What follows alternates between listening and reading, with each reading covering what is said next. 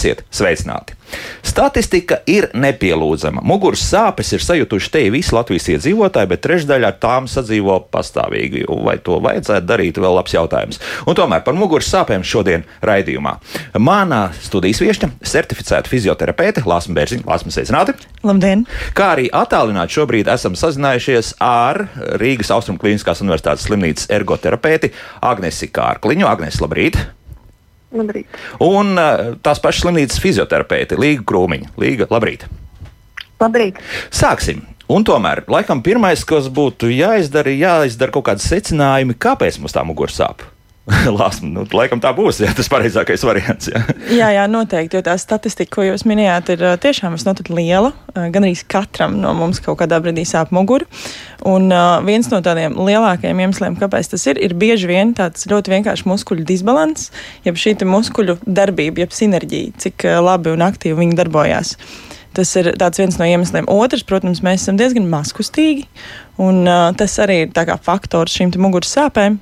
Un tad iedomājamies, mēs esam masku, maskustīgi, plus šis muskuļu disbalans, arī attiecīgi kāda mums ir darba vide, gan šī ilgstoši sēdošā darba vide nav labvēlīga muguras šīm sāpēm, un arī ilgstošā, piemēram, stāvot kājās darba vide. Jā. Respektīvi, gan viena galējība, gan otra, tā kā minējāt iepriekš par to skriešanu, nav laba abos gadījumos. Un tad radās šie disbalansi, ja mēs runājam par tādām nespecifiskām, vienkāršām muguras sāpēm. Un, uh, mēs arī nevingrojam, netrenējam viņus pietiekami daudz, un uh, tad ir šīs sāpes. Ja, piemēram, tagad ir dārza darbi aktuāli, vai ne? Jā, protams. Jā, jā visiem gribas kaut ko parakt.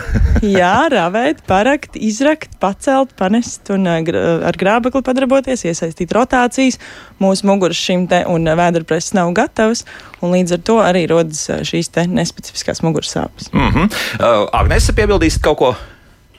Nu, jā, es varu kolēģiem piebilst un, un, un paturpināt to domu, ka uh, tās problēmas rodas gan statisku spēku ietekmē, tā ir ilgstošā sēdēšana, stāvēšana, gan arī dinamisku darbu ietekmē, kas ir tie fiziskie darbi, tā vienreiz pacelšana, piemēram. Tad ir svarīgi, vai šie darbi atkārtojās ilgākā laika posmā, vai tas ir tikai tāds vienreizējs atgadījums, piemēram, ar pacelšanu. Tas ir svarīgi saprast, kas ir tie veicamie. Tā kā ir dinamiski atkārtot, cik ilgstoši un cik smagi. Tā tad arī, ja mēs nosacītu katru dienu kaut ko darām, arī tas var novest pie muguras sāpēm. Un tieši tāpat kā, ja mēs pēkšņi nonākam dārzā pēc sešu mēnešu pārtraukuma, arī tas var radīt šādas muguras jā, sāpes. Protams, jā. viss ir atkarīgs jā. no tās dozējuma slodzes, cik viņi ir lieli un cik jūs esat kā ķermeniski gatavi to veikt. Mm -hmm. Līga, piebildīsit arī kaut ko labu. Uh, jā, es pilnībā piekritīšu abām kolēģiem, ka šeit arī ļoti liela uh, spēlēs tas, ka, uh, ja cilvēkam ikdienā arī ir šis fiziskās slodzes trūkums, un tad pēc šī sešu mēnešu pauzes, ja viņš uh, sāk aktīvi iesaistīties dārza darbos, tas arī, protams, var novest pie šīm nespecifiskajām muguras sāpēm.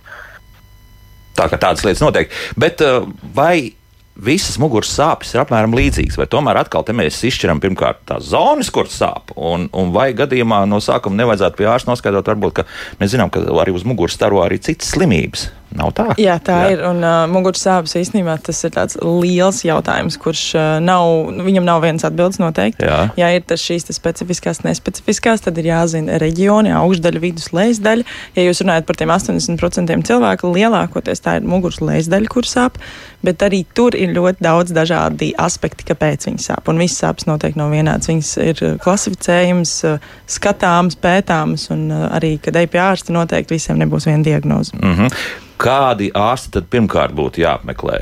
Kādus ārstus, lai, lai saprastu, kas, kas tur īsti sāp, un tālāk jau izdarīsim tos secinājumus, un tad ir ieteikums. Jā. Nu, tāds standarta variants bieži vien cilvēks sākotnēji neapmeklē ārstu, domā, ka nu, pāries, bet, ja apmeklē, tad bieži vien vēršās pie ģimenes ārsta, vai arī tas būtu vertebrologs. Nu, diezgan loģiski, kā, jā? Jā. jā. Tālāk notiek, nu, ģimenes ārsts noteikti saka, tā dosim kādas citas izmeklējumus. Jā? Jā, jā, ģimenes ārsts var nosūtīt pie vertebrologa, kurš jau arī skatās šos izmeklējumus. Arī bieži vien cilvēki nonāk īstenībā pie traumatologa. Uzreiz, jā. jā. Bet tad jau laikam iemesls ir zināms, jā, vai ne? Arī nē, arī nē. Protams, tāpēc, ka, piemēram, rodas šos te pašus kartupeļus, saķer muguru, īsti Aha. nezinu, kur doties un doties traumatoloģijas ortopēdijas slimnīcu. Bet, ja tās tiešām būtu tādas akūtas, ļoti spēcīgas sāpes. Ir jēga uz turien doties tā pa taisno vai nē? Ir jēga, protams. Jā, jā tomēr, jā. jā, jā, jā. Agnes, ko jūs teiksiet? Droši vien, ka kolēģi Līga man piekritīs, ka mēs savukārt tos pacientus varam satikt neiroloģijas vai neiroķirurģijas nodaļā, bet, bet pareizi ir, ka būtu jāsāk ar savu primāro ārstu, ar ģimenes ārstu, jo tās situācijas var būt ļoti dažādas, ka tās sāpes ir pārējošas, piemēram, ar pretsāpju vai pretiekaisuma medikamentiem, ar vingrošanu, ar atslodzi. Savukārt citos gadījumos varbūt arī neiroloģiski iesaisti, piemēram, ka sāpes izstaro pa kāju kādā konkrētā reģionā vai rodās. Uh, spēka samazinājums, piemēram, pēda paliek mazkustīga, tad jau noteikti ir jābūt arī iesaistītam neirologam. Un tā ir ar muguru, jā, tā, tur pie vainas būs mugura, jā, nevis, nevis kaut kas cits. Jā.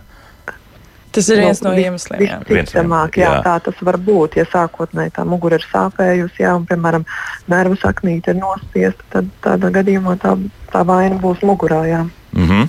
Jā, jā. Bet šeit es gribēju piebilst, īstenībā mēs uzreiz tā pārlicām pie ārstiem, bet uh, bieži vien šo funkcionālo diagnostiku var veikt arī fizioterapeits. Pirmais, bieži vien pie šādām nespecifiskām sāpēm nebūs ārsts, bet jūs varat mierīgi arī doties pie fizioterapeita. Un, ja fizioterapeits izmeklējot secina, ka tomēr ir jābūt arī ārsta iesaistē, ka šeit viņš nevarēs palīdzēt, tad mēs arī bieži vien iesaistam ārstu. Līga, jūs tiešām varat izčamdīt tā, vai, vai, vai kā tas notiek, tas process? nu, mums parasti tā praksa, tomēr, kā arī kolēģi Agnes minēja, ir tāda, ka mēs šos pacientus satiekam tieši jau neiroloģijas vai neiroķirurģijas nodaļā. Tāda smagāka uh, gadījuma pēc būtības jau, jā? Tādi smagāki gadījumi, jā. jā, bet, jā, protams, tāda vienkāršāka gadījuma ar primāri nespecifiskām sāpēm, protams, mums ir uh, arī speciāli izmeklēšana, ir šie te testi, ar kuru palīdzību mēs tātad varam arī konkretizēt uh, gan šīs sāpes, veikt funkcionālu diagnostiku un tad attiecīgi izvērtēt, vai tomēr ir nepieciešams šo pacientu sūtīt tālāk pie šī ārsta uz izmeklējumiem, vai uh, tātad mēs paši spējam tikt ar šīm te, uh, sāpēm galā. Nu, visbiežākā praksa tomēr man pagaidām ir tāda, ka uh, tā kā mēs arī atgriežamies pie šīs secības, jā, tad uh, pacients vēršas pie ģimenes ārsta, kurš attiecīgi tālāk viņu var arī nosūtīt vai nu pie neiroloģa, vai nu jau arī uz šiem izmeklējumiem. Bet uh, primāri jā, mēs arī esam spējīgi, kā funkcionālie speciālisti, veikt šo izvērtēšanu. Un, ja mums ir kādi šie sarkanie karogi, tad mēs arī varam dot šo signālu pacientam, ka viņam ir jāvēršas pie ārsta pēc papildus izmeklēšanas. Mm -hmm. Tā tad uh, šāda tā ķēdīte ir. Bet uh, tik jau pieminēta arī pretsāpju līdzekļi nu, tos vispār darētu izslēgt no kaut kādas muguras ārstēšanas, vai, vai tomēr tā ir tiešām tāda objektīva nepieciešamība, ja tiešām tas kartupeļu maisis ir stiepts un, un šie nosacītie bojājumi ir salīdzinoši nelieli, lāzmi varbūt sāks.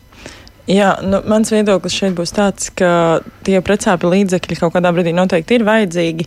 Vienīgi, ja ilgtermiņā šī muguras sāp, kas tās normas bieži vien ir tās 10, 14 dienas, un jūs turpināt lietot, un viņi nepalīdz, tad īsti nevajadzētu to turpināt darīt, bet tiešām meklēt palīdzību.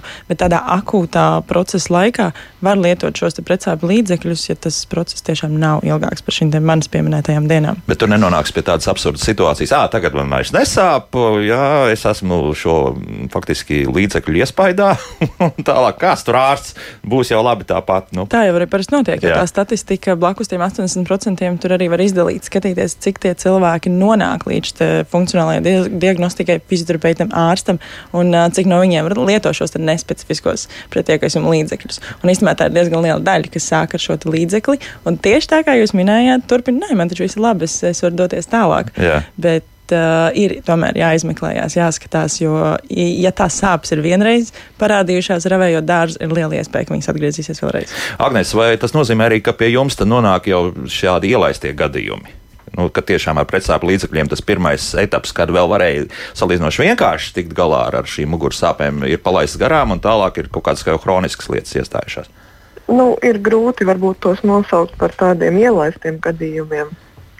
Vienkārši lielākā daļa arī to cilvēku, ko mēs esam savā praksē satikuši uz jautājumu, piemēram, vai viņi ikdienā vingro un stiprina savu muskuļu korsetu, vai ievēro kaut kādus principus, vai iekārto vidi. Nu, diemžēl cilvēki to nedara. Es nezinu, vai to var nosaukt par ielaistiem gadījumiem. Mm -hmm. Bet, eh, bet jā, es gribēju papildināt to, ka sāpes, nu, sāpes vienmēr ir signāls par to, ka kaut kas nav kārtībā un ilgstoši cilvēkam nevajadzētu tās dāvas lietot, jo tas jau nerisina to cēloni, kāpēc, kāpēc sāpes ir izveidojušās. Vai tālāk veicina to ķēdīt un tās problēmas kaut kādas tālāk. Jā, Līga. Uh, jā, es piekritīšu Agnesei. Uh, tiešām šeit mēs nevaram runāt par tādu ielaistu gadījumu. Pārsvarā jau arī praksē, kas, ar ko es nodaļā saskaros, šie cilvēki, kas ir nonākuši ar muguras sāpēm, kad uzdod viņiem šo jautājumu, vai viņi tiešām ir vingrojuši, pirms tam apmeklējuši fizioterapeitu, kāda ir viņu ikdiena. Nu, bieži vien mēs gūstam to atbildi, ka viņi ir maskustīgi, ir nu, neergonomiski darba apstākļi. Un, nu, tiešām tās precāpju medikamentu lietošana tomēr nu, tā nevar arī būt ilgstoša, jo tas nav tas gala risinājums. Mums ir jāmeklē tas cēlonis, kāpēc šīs sāpes ir radušās. Tā tad neizbēgami. Ja? Vai te kaut kāda sāpju skala ir iespējama, kurā brīdī, nu, tu, nu labi, pasāpēs arī, nu, pieņemsim, atmetam arī pretsāpju līdzekļus, bet nu, tomēr tagad nonākam pie tā, ka tāda muguras sāp, nu, sāp, ejam pie ārsta tajā brīdī, kad vairs neko nevar izdarīt, vai tomēr arī tādas nelielas sāpes jau rada nu, tādu faktiski vēlmi un vajadzību iet pie tā ārsta. Jā, nu šeit savukārt ir jāievāc šī sāpju anamnēze. Ir mm -hmm. jāsaprot, cik biežas ir šīs sāpes, uz kādu pamatu jums ir jāpavēro, vai viņas ir naktī, vai viņas ir pa dienu, vai pēc darba dienas. Ir ļoti daudz faktoru, un šī sāpju skala. Nu, mēs varam katrs sev pajautāt, uz cik man sāp. Protams, ne visi spēj to atbildēt, ja nav raduši sevi ieklausīties, bet uh, var noteikti pajautāt, un es noteikti ieteiktu neturēt līdz brīdim, kamēr nevar vairs izturēt ja, un jāiet pie ārsta. Tas jau būs tāds tie, tieši stiprs. Tas ir tas rādītājs, jā. Ja tas ir tiešām ļoti slikti un ir jāpavēro šīs sāpes, ja viņas ir atkārtotas diezgan biežas, tad noteikti tur ir kāds faktors provocējošs, kurš ir savā dzīvē jālimitē, jāmaina, jā, jāievieš šī vingrošana, ergonomika savā ikdienā. Un tad ir uh, jāskatās, kā, kā, kā iet tālāk ar šīm sāpēm. Nu, labi, līdz klausītāju jautājumiem atgriezīsimies vēl pie paša sākuma - vingrošana. Kas būtu priekš muguras tas, tas ideālais variants, kā tos dziļos un ārējos muskuļus vislabāk ir trenēt. Jā, šeit lūk, mēs uh, esam tādā brīdī, kur ir ideāls variants. Ideāls variants nav katram viņš ir diezgan specifisks. Jā. Jā, mēs bieži runājam arī fizioterapijā par to, ka tagad dziļ, trenēsim dziļo muskultūru. Veidi, kā to darīt, nav tikai grīdiņas, ja visiem zināms, vingrošana uz paklāja, bet uh, standartā tas, ko mēs sākam, sākam ar šo paklāju, ir dažādi veidi vingrinājumi, kur mēs iemācāmies ieslēgt šo muskultūru, gan dziļo vēdru, gan dziļo muguras muskultūru, un tad jau mēs lēnām ceļamies kājās no, piemēram, ceļu stāju pozīcijas, nu, ko sapratīs arī fizioterapeiti. Un, uh, tad mēs arī vertikalizējamies, stājamies kājās un skatāmies, kāda ir šī mūsu vajadzība ikdienā, kāda darba ir mūsu veicamie Aha. un uh, kādas kustības mēs veicam. Un tad katram cilvēkam mēs pieliekam šos vingrinājumus, kas ir nepieciešami viņa ikdienā. Vai tu esi skrējējis, vai tu rodas dārzu, vai tu ikdienā sēdi pie datora. Tās ļoti dažādas atšķirības. Nu, bet tāds universāls um, teiksim, recepts tā nebūs, lai, lai noderētu visiem gadījumiem. Nu, šodien es paskriešu, nezinu, uzspēlēšu bumbiņu vai kā citādi, un nu, rītdien es aizskrējuši dārzi. Ja? Nu, skaidrs, viens, ka tās muskuļu grupas drusciņi atšķirsies, bet, bet nu, tā, tā nevarēs būt kaut kāds vingrinājuma komplekss, ko katru dienu izdarot. Es zināšu, nu, ka apmēram tā, tā mugura turēsies uh, tonusā, nu, muskuļi, muskuļi. muskuļi ja? Jā, ir atkarīgs no arī katra cilvēka stājas. Tie vingrinājumi būs nedaudz dažādi. À. Uh, kaut kādu kompleksu viņi var izdomāt, bet uh, te ir šeit labais teiciens, kas dara visam, nedara nekam. Jā. Un tādēļ es noteikti ieteiktu katru cilvēku izvērtēt individuāli, atrast savu ģimenes fizioterapeitu un izveidot šo vingrinājumu kompleksu kas der jums, jo viņš arī ar laiku ir jāmaina. Adaptācija notiek 3-4 nedēļu laikā, un mēs nevaram visu cauri gadu vingrot. Aha.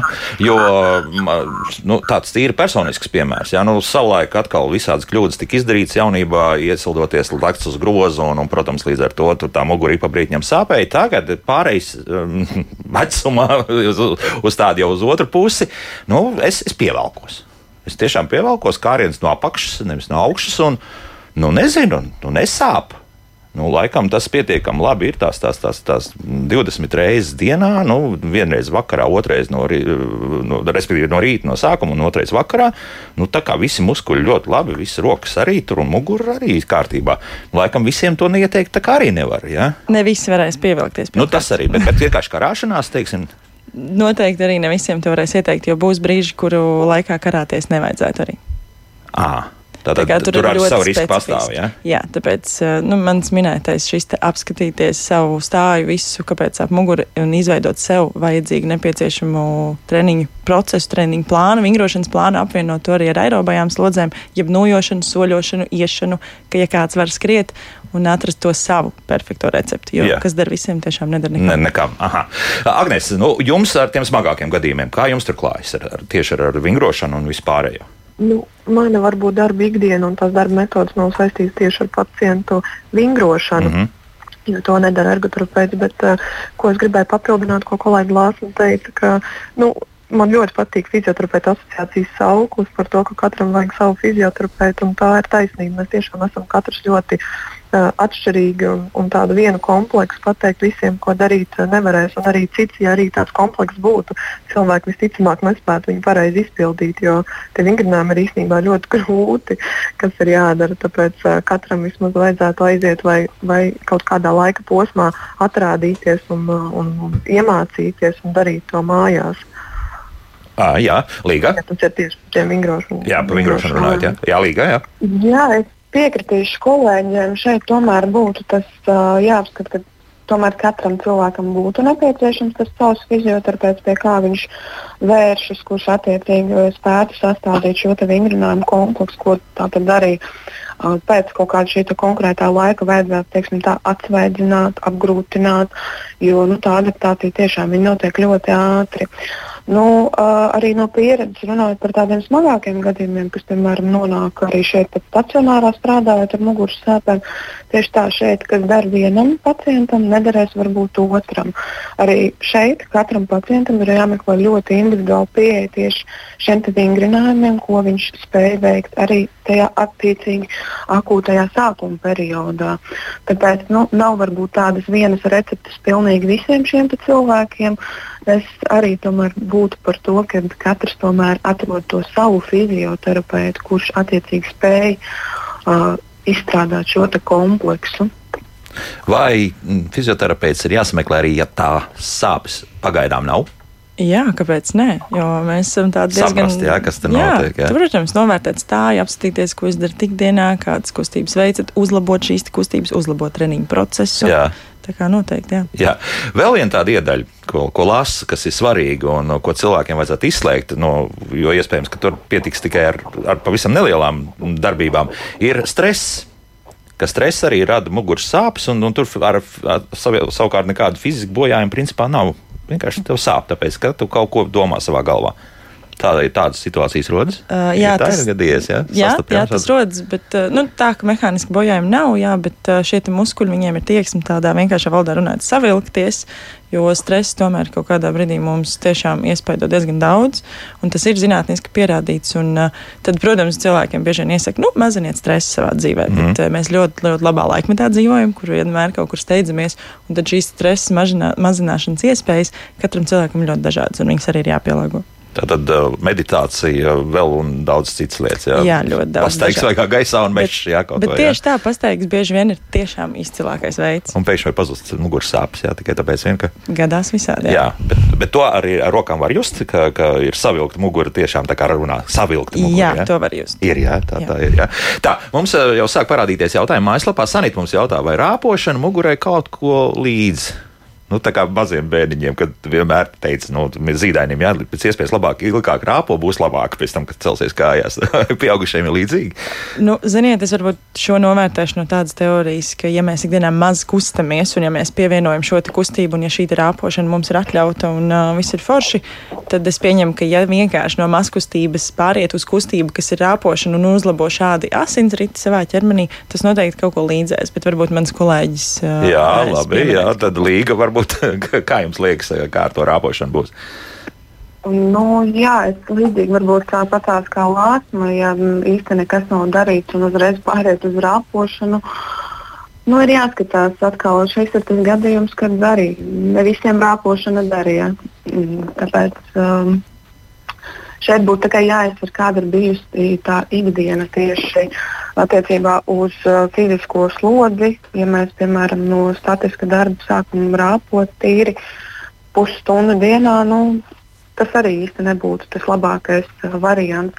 Bet rāpošana kā aktivitāte, nu, es domāju, ka arī var, var iekļaut. Nu, bet pieņemsim tādu tā staipīšanās, tā kaķa staipīšanās. Nu, tā būs tā kā rāpus, jā, ka tur uz priekšu, nu, atpakaļ. Tur, jā, šī kaķa staipīšanās tīri būs jau uz šo mobilitātes, muskuļu, muskuļu izstrādi uz mobilitāti. Jā, kāpēc nē? Pēc uh, grūtas dienas, kāpēc nē? Nomesties četrāpus un veikt šo kaķu pozu. Ja? Tīri tā tad, lai pastieptu šo muguru, kur tā jau ir bijusi ilgstoši statiskā pozīcijā. Mm -hmm. Jā, tad, tad, tad to arī kā prevencija pēc būtības veikt. Jā, tā. Jā, Jā droši vien, ja, ir, ja, ir ikdiena, ja ir ikdiena bijusi tāda, kad ir lielākoties pavadīts sēdus darbs, tad arī tīri preventīvi pēc, ik pēc pāris stundām piecelties, izstēpīties uh, arī darba vietā būtu rekomendējams katram cilvēkam. Mm -hmm. Mugurai patiks. Jā, tā jā tās vadlīnijas jā. tādas ir, ka pēc pusotras stundas sēdēšanas 15-20 minūtes mums būtu jātaisa šī kustība pauze. Jā. Jā. Un tie ir pietupieni, tie ir arī klasiskie visi uh, roku vēzieni, jau uz augšu, uz leju, uz sāniem un tā tālāk. Jā, tā protams, tālāk, jā. jo mēs katrs droši vien savā darba vidē ģērbamies attiecīgi tā, lai tas ir darba vidēji pieņemami, un līdz ar to mums arī jāvēr, nu, jāstāst, lai tās kustības arī mums tajā brīdī varbūt nav ļoti iesvīdošas, bet ļoti vienkārši vēzieni, visādas locītavu izapļošanas, tās ir superlietas, ko padarīt. Mm -hmm. nu, labi, pielikšu klāt, ja mēs par kaut kādu pusrāpošanu runājam, planka planka vingrinājumu. Nu, jā, nē, vai tur tomēr arī pēc kāda laika, kad tu jau esi sagatavojis to muguru? Tā trešā atbilde ir vislabākā. Jā, nu, protams, pēc kāda jā. laika, jo bieži vien arī tas šis balsts nav, netiek izpildīts precīzi un pareizi. Jā, kā iepriekš arī kolēģi minēja, ka eh, ļoti daudz vingrinājumu internetā ir, bet ir ļoti jāšķiro, ko tu skaties un arī kā tu šo lietu pildi. Un uh, balsts pats par sevi, jeb šī tautā sauktā plānga, ir ļoti labs vingrinājums, bet viņš ir jāspēj izpildīt precīzi. Uh, pieņemami priekš sava ķermeņa, un arī jāstāsta tos nu, laika limits, jo bieži vien visiem vajag stāvēt šo ilgo laiku. Tas nav nepieciešams, un arī jāskatās, cik kvalitatīvi mēs stāvam. Tad ar 20 sekundēm teorētiski varētu pietikt. Absolūti, jā, jā, varētu arī. Jā, tur nav jā. minūte jāmēģina izspiest, vai tur. Nē, nē, Guinness rekords nav nepieciešams. Nav nepieciešams, jā. Līga, ko jūs tur sakāt, jūsu pacienti arī spēj nu, to, to planku nostāvēt vismaz kādu laiku, vai, vai nē, tik, tik nebūs tik vienkārši. Nu, tādā, tādā akūtā periodā mēs planku noteikti neizmantojam, bet es piekritīšu kolēģei Lāsmai, ka tomēr šeit, lai planku izpildītu, būtu tomēr jābūt uh, sagatavotam šim cilvēkam, jo uh, bieži vien arī, ko es uh, pati personīgi redzu tajās pašās sporta zālēs, ir, ka nu, cilvēki pieļauj šo kļūdu. Viņi īsti nav sagatavoti šai planka izpildēji. Viņi neievēro īsti arī šo pareizo pozīciju. Un uh, nevajadzētu arī tādu ilgstošu šo planku pozīciju turēt. Šeit būtu tomēr jāsagatavojas šim cilvēkam, jābūt tiešām arī sākumā tai uzraudzībai no fizioterapeita puses, lai varētu pakoriģēt tātad attiecīgi katru šo segmentu. Mm -hmm. Bet tur tā lielākā kļūda ir, kas mēs to dibenu paaugstu turam vai, vai nav, nav kaut kā. Jo... Uh, nu viens, viens, protams, būtu tas, ka uh, sēžu, sēžas daļa tā tad ir par augstu, Aha. ir izliekta jostas daļa. Cilvēki nespēja arī šīs lāpstiņas starp lāpstiņu zonu noturēt. Kakls arī tātad tiek vērsts izteiktāk izliekts. Ja. Es domāju, arī šeit kolēģi Lāsim varētu arī pakomentēt, ja, ka nu, tās tādas tipiskākās, raksturīgākās kļūdas, ko mēs novērojam. Jā. Jā, jā, tā noteikti ir. Jo bieži vien, lai stāvētu kvalitatīvi šajā balstā, tad mums ir tiešām jāstāsta, lai mums ir gan pienācīga starplāpstiņa muskultūra, jo sāk, varbūt jāsāk ar šiem paklāju vingrinājumiem, jākļūst par tādu mazu paklāju čempioniņu. Ja, tas eh, īstenībā nav ļoti ilgs process. Tās ir varbūt 10-15 minūtes dienā regulāri, jo ļoti svarīgi ir regularitāte fiziskajās mm. aktivitātēs. Lai muskuļi zina, ka viņiem tas būs jādara arī rītdien, jā, un vēl pēc kāda laika. Jā, Tieši jā, jā. tā, jo īstenībā jāmingro ar visu dzīvi. Mm -hmm. Nu, lūk, pie tādas secinājuma esam nonākuši. Jā. Tā, nu, tas nozīmē, ka mums laiks ir mūzikai, bet gaidām arī jūsu klausītāju jautājumus. Kas būs viņiem aktuāls, to mēs uzzināsim pēc pāris minūtēm. Bet tagad mūzika un būsim atpakaļ pēc 3 minūtēm un 54 sekundēm. Kā labāk dzīvot? Mēs šodien runājam par muguras sāpēm. Daudz ko esam izrunājuši, bet nu, laiks ķer, tiešām ķerties pie klausītāju jautājumiem. Vēl tikai atgādināšu, ka ar mums kopā ir certificēta fizioterapeite Lāsma Bērziņa. Attālināti mēs esam kopā ar Rīgas Austrum Kliniskās Universitātes slimnīcas ergoterapeiti Agnes Kārkliņu un fizioterapeiti Līgu Krūmiņu. Un liekas, ka pirmais jautājums, kas mums ir mājaslapā, būs adresēts tieši mm, Agnesei. Agnes, lūk, kā un kur atrast ergonomisku datorkrēslu savā jūtos slikti? Slikti. Tā Dainis ar tādu laikam sāju smaidiņu raksta. Kā ir kaut kāda recepte, kā izvēlēties, vai tas tomēr ir pašam ir jāizdomā un jāiz, jāiziet cauri? Ar to, ar to ergonomikas jomu arī ir tā interesanti, jo nav tā, ka tā viena lieta ergonomiskā būs universāla visiem cilvēkiem. Tas ir atkarīgs no paša cilvēka arī antropometriskiem rādītājiem, respektīvi, cik viņš ir garš un kāda ir viņa auguma parametri. Jo kas vienam derēs, citam nederēs. Nav arī iespējams uztaisīt tādu vienu universālu darba vietu, ergonomisku priekš visiem. Nē, nu, ja nu vienīgi tur var mainīt, piemēram, galdu augstumā vai krēslam ir ļoti daudz funkciju. Tas būtu jāiet droši vien uz, uz kādu specializētu veikalu cilvēkam un jāmēģina izvērtēt arī, cik ilgi ir nepieciešams sēdēt, varbūt vai tur ir vajadzīgs izliekums muguras jostas daļā, vai ir nepieciešama funkcija pamainīt uh, muguras uh, leņķi un tā tālāk. Cik gāra ir sēde virsma, vai tas uh, nerada tādu nospiedumu pacels rajonā un tā tālāk. Tā kā viennozīmīgi, diemžēl, nevar atbildēt uz šo jautājumu. Tad Danim vienkārši ir jāiet, jāmē, jāizmēģina dažādi krēsli un, un arī tās pozīcijas, jā, tur tālāk jāeksperimentē, kamēr beidzot būs normāli sēža. Jā. Nu, es domāju, ka tas var būt viens no variantiem, kas ir visērtāk pieejams, aiziet uz kādu specializētu veikalu jau un izmēģināt. Un ir arī es esmu redzējusi firmas, kas pārdod šos ergonomiskos rīkus, ka ir iespējams arī uz kaut kādu laika periodu to paņemt lietošanā, saprast, kā tas der ne tikai par krēsliem, bet arī uz citiem um, elementiem. Mm -hmm. Tā, lūk, traktorists mums uzrakstījis diezgan garu komentāru, un te būs pat vairāki posmi, pie kā mums būtu pēc tam jāanalizē. Kādi būtu daži vingrinājumi, lai pēc darba dienas traktorā iztaipītu sāpošu sprandu un muguras lejasdaļu? Noliecoties pie kāju pungaliem un pieliecot galvu pie ceļiem, izkrakšķi mugurkauls spranda vietā, bet tas palīdz tikai īslaicīgi. Vai tas var liecināt par kādu iekaisumu? Muguras lejasdaļas sāpes brīžiem ir asākas, brīžiem nemaz nav. Asākas sāpes muguras lejasdaļā labajā pusē novērot arī roku tirpšanu, vai tiešām laiks apmeklēt doktoru un ar kuru sākt? Lāsma māja galvu, jā, ka būs jāapmeklē, laikam, jā, jā izklausās, ka būs jāapmeklē, jā, bet uh, tur izklausās arī, ka ir neiroloģiskas problēmas iesaistītas, un es domāju, ka man kolēģi Līga noteikti varēs pakomentēt arī. Labi, jā, Līga, ko jūs teiksit? Uh, jā, noklausoties šo visu un arī pieminot to roku tirpšanas piekritīšu, ka šeit tomēr būtu nepieciešams apmeklēt ārstu. Nu, tas, primāri būtu tā, tad uh, noteikti šis ģimenes ārsts, kur attiecīgi tālāk nosūta pie šī neiroloģa, un tad attiecīgi būtu jāveic šī izmeklēšana. Tā tad nu, tomēr jāiet pie ārsta. Ja? Bet, nu, pieņemsim arī tie vingrinājumi. Nu, ja tomēr tu vari tā normāli noliekties pie kāju purgaliem, pieliecot galvu pie ceļiem, tas jau ir labi. Tas jau ir labi, bet jā. šī ir stiepšanās. Arī jā. jāatcerās, ka tā ir tikai stiepšanās, ko mm -hmm. cilvēks veic, un viņam noteikti jāveic arī spēka vingrinājumi. Tas nozīmē, ka viņam ir jābūt atkal šim paklājiņu čempionam, jebkurā jā. gadījumā, kaut kādā brīdī. Tad jāizkāpj no tā traktora ārā, kaut kur jāatspiežas, pieņemsim, jā, jāmēģina. Jā, nu. Tas ir kā labs sākums, atspiešanās, jā. tur kaut kāda pievilkšanās, ja tas ir iespējams, bet arī redz, te ir jāskatās, ja ir šī roku tirpšana vai šī kustība neprovocē sāpes. Nu, arī, jā. jā. jā. Jāievēro.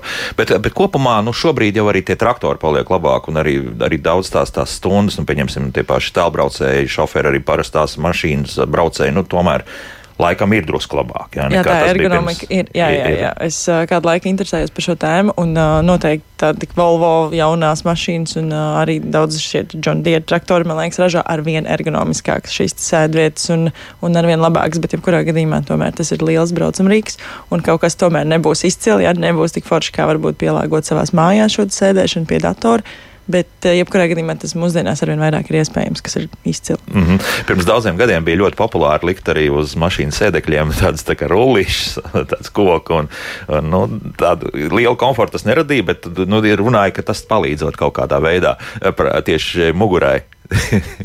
tas kaut ko dod vai nedod neko.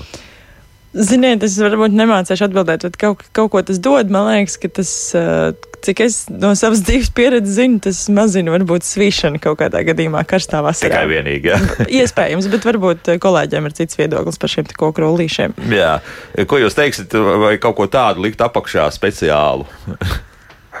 es varbūt varu pateikt jā, to, ka no, no tā, ko mēs iepriekš runājām, izskan arī tas, ka cilvēkiem, diemžēl, patīk arī lielākoties pasīvas metodas. Vispār dažādi rullīši vai masāžas vai tas, bet, uh, bet to universālo rīku kā vingrošana vai ergonomikas princips, piemēram, nesēdēt 8 stundas pie datora vai nesēdēt arī traktorā 10 stundas un nepakļaut sevi tai visai slodzē, to diemžēl ir kaut kā grūtāk cilvēkiem ievērot, bet īstenībā tas ir tā daudz nozīmīgāk. Nu, jā, to es gribēju par to traktoru pateikt. Mm -hmm, jā. Ir ļoti svarīgas tās atpūtas pauzes, ne tikai ergonomiskais traktors vai, vai tā tālbraukšanas mašīna. Jā. Savukārt Rasmus uzrakstījusi, ka vislabākais paldies ir TV4 un sporta centrs kom par ikrītu vingrošanu pulksten septiņos. Tas tiešām mobilizē vingrot regulāri. Nu, tāds uh, priekšā likšana un, un, un, un kaut kā YouTube izvēlēties kaut kāds vingrinājumu komplekss, laikam jā. Nu, tur vai, vai tur arī jāskatās, ir jāskatās, ir tomēr, kas notiek. Jā, jā redz, jo tieši tā, kā arī kolēģi saka, vingrošana pa lielam ir pamats un balsts šim visam. Jā, kā arī iepriekš minēja, ka mēs nevaram tikai stiepties, mums ir jātrenē arī šis spēks.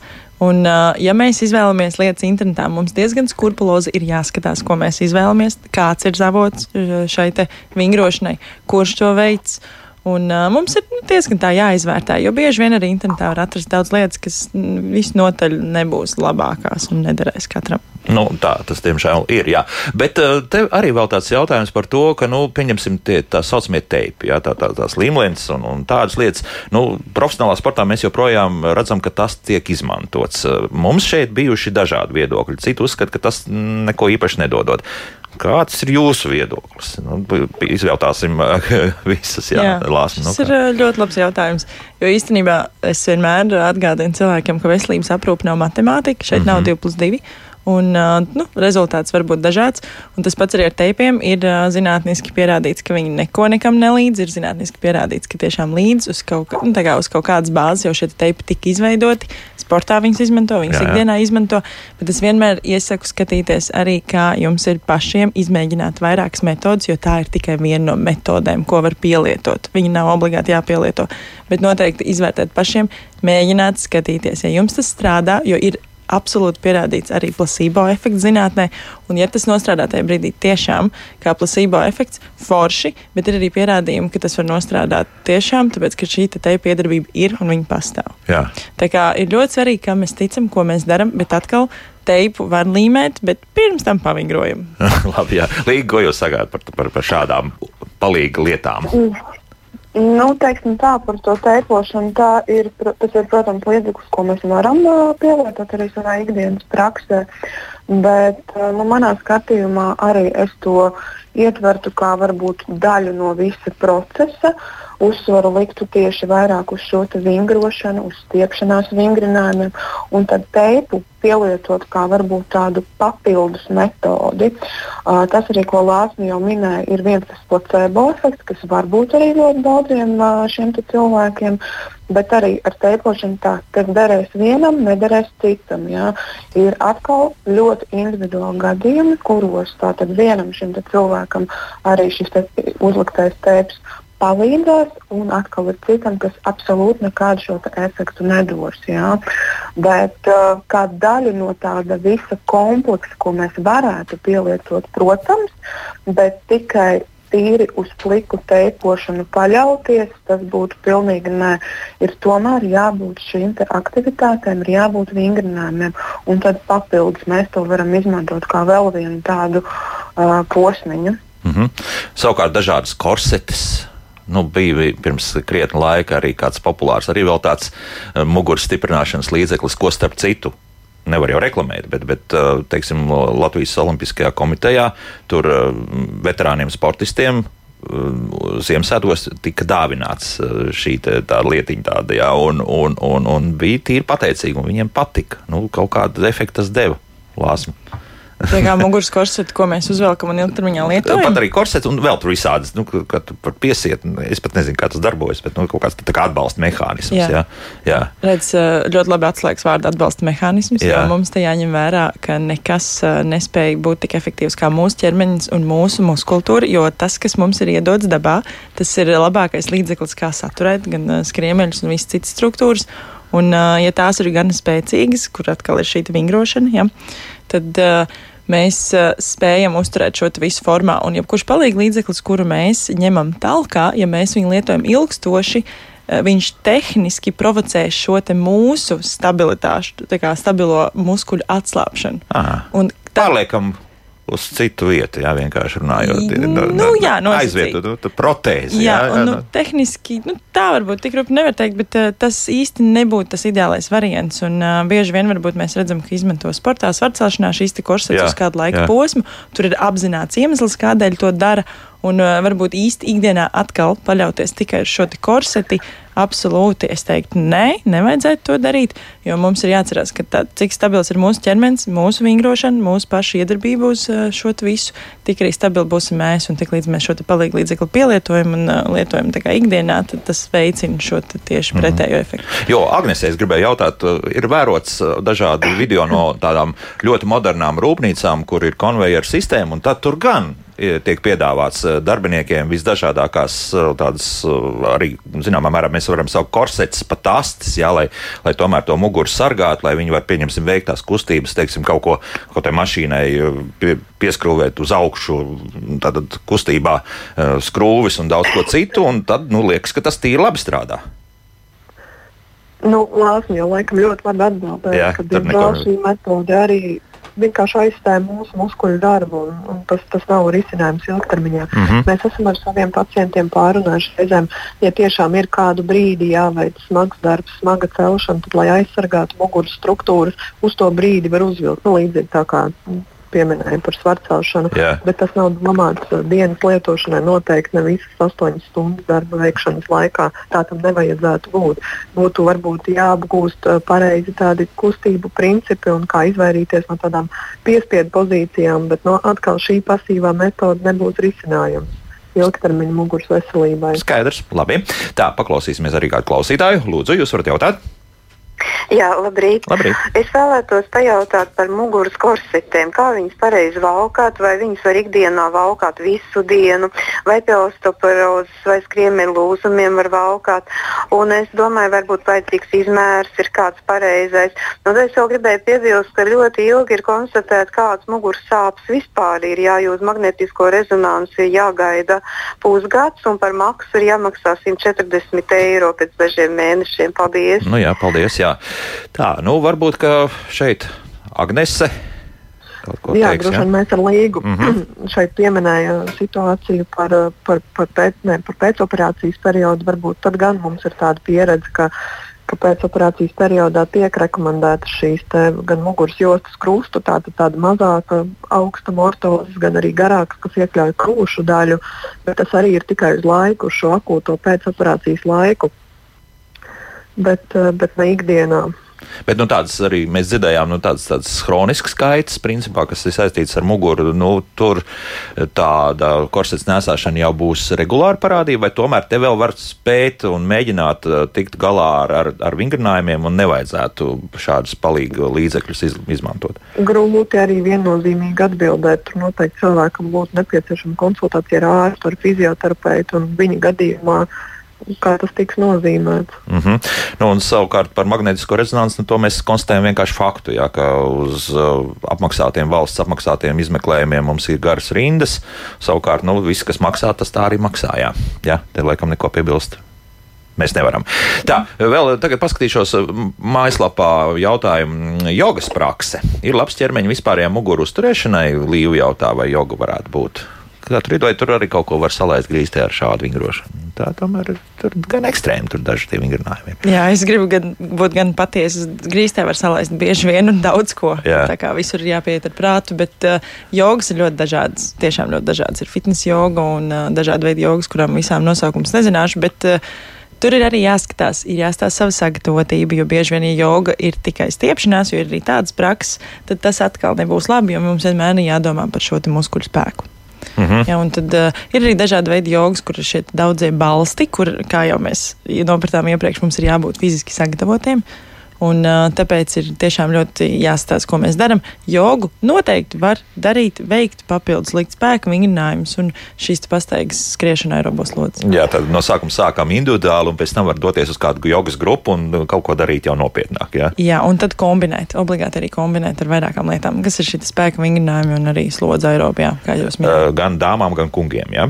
Obligāti. Obligāti. Obligāti. tas, tas izskanējis arī. Tā, pirms divām, trim nedēļām Pēterim visa diena bija jāpavada tupu stāvus ar nolocītu muguras krūvējot zelžus. Pēc tam nedēļu stīva mugura. Tagad viduklis tur nu, arī nav labs un nedaudz jūt mugurkaulu nabas līmenī, kāda stīva un fona sāpe. Cik ilgi pēc šādām pārslodzēm šāds stīvums paliek un kad jāmeklē konsultācija? Vienmēr sakot, vai pēc, te, nu, ja pāriet, pāriet, tad, tad neko, vai, vai, vai tomēr kaut kas ir jāskatās, kāpēc tas tā ir noticis. Viss.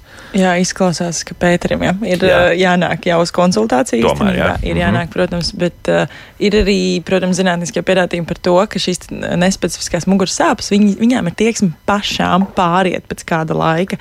Bet atkal mums jāatgriežas, ka te ir bijis cēlonis, šī ilgtermiņa neergonomiskā piespiedu pozīcija, kurā cilvēks ir atradies.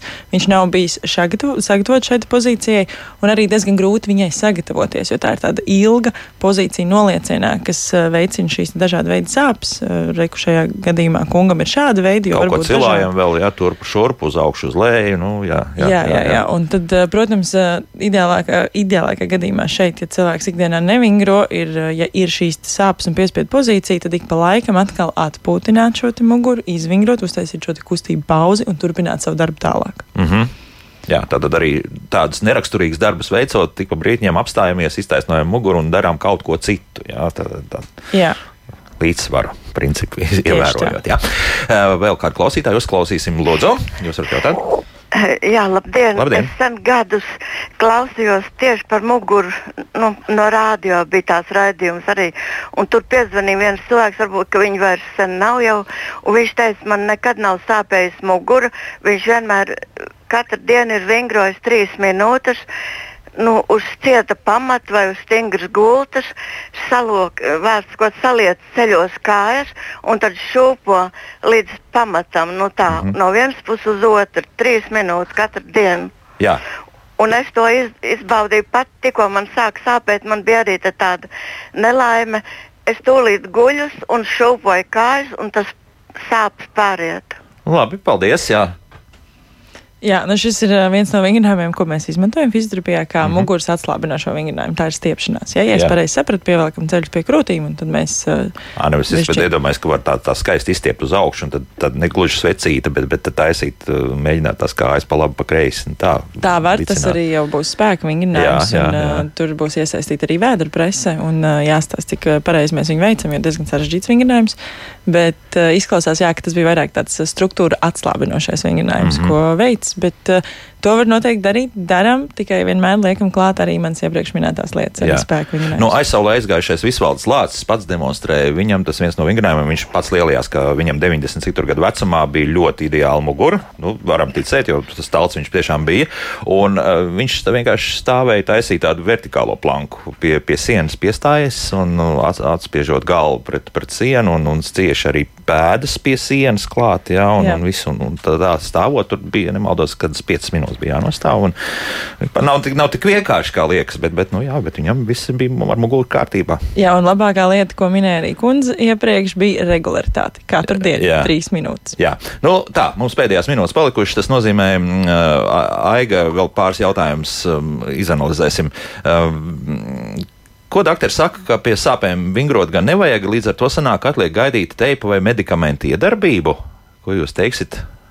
Tās vadlīnijas ir uh, absolūti dažādas. Arī nu, tehniski tā pirmās akūtās sāpes, kad viņas tiešām ir ļoti spēcīgas, tad uh, mēs ievērojam šo mieru stāvokli.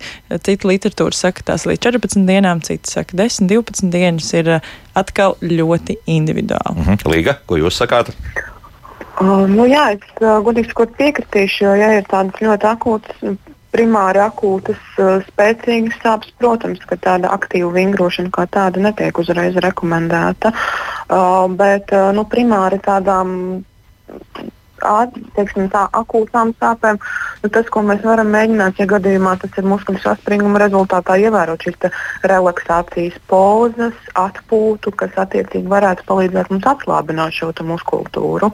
Kas ir arī principā šis te, ko kundze pirms tam arī minēja, uh, pievelkot šīs kājas un šī šūpošanās. Tā bū, var, tas varētu būt tas, ko mēs varētu darīt, bet tādu aktīvu uh, teiksim, tā vingrošana pie stiprām akūtām sāpēm uzreiz, protams, nevajadzētu. Jā, nu un vēl Aiga jautā, sakiet, lūdzu, kāpēc daudz ārsti neatbalsta kiropraksi? Kas tas tāds? Es, Uh, viņi iespējams domājuši, ka kaut šo kas laikam. Jā, ka Angliski. ikdienā domā, kā krakšķināšana tādā vienkāršā valodā. aha, ne? Ka. Mēs atnākam, izkrakšķinam segmentu un tad dodamies tālāk. Jebkura pra- arī šāda veida praksi mēs viņu veicam un ejam pie šāda praktiķa. eh, Tas noteikti nav slikti. Kaut kādā brīdī tas ir nepieciešams, ir jāstāsta, vai ir nepieciešams, respektīvi šis te ārsts eh, tajā brīdī to izvērtē. Viņš, viņš veic šo te terapiju, bet eh, kas ir mums jādara atkal, ja šis segments tiek izmobilizēts vai manuāli terapeitēts, tad uh, mums ir jāturpina ar viņu arī strādāt, jeb vingrot un nostabilizēt. Jo, ja mēs veicam tikai šo vienu nu, terapiju un nedaram neko ikdienā papildu, tad noteikti es arī neatbalstītu tikai šo veidu terapiju. Skaidrs. Nu, vēl varbūt Agnesei tāds ļoti īsi piepūšamās dekompresijas muguras josta. Ko jūs sakāt? Piepūš, ja godīgi, es tādu dzirdu pirmo reizi. pat tā, jā. Es man ir grūti Aha, nokomentēt. tad speciālisti nemaz nezina, Līga ka, ir ka tādas lietas notiek. Jā. Līga varbūt ir nācies saskaties ar kaut ko tādu. Mm, nē, šādi es arī dzirdu pirmo reizi. arī, jā. Jā, es arī. Labi, būs interesanti noskaidrot, kas tas īsti nozīmē, bet šodien mums jāliek punkts. Tātad, pirmkārt, sākam ar vingrošanu, un vienalga, vai jums mugura šobrīd sāp vai nesāp, tas noderēs. Jā. jā. certificēta, jā, certificēta fizioterapeita Lāsma Bērziņa, Rīgas Austrum Kliniskās Universitātes slimnīcas ergoterapeita Agnes Kārkliņa un fizioterapeita Līga Kromiņa bija kopā mums. Dāmas, paldies par sarunu! Jauku dienu un arī atlikušo nedēļu! Atā!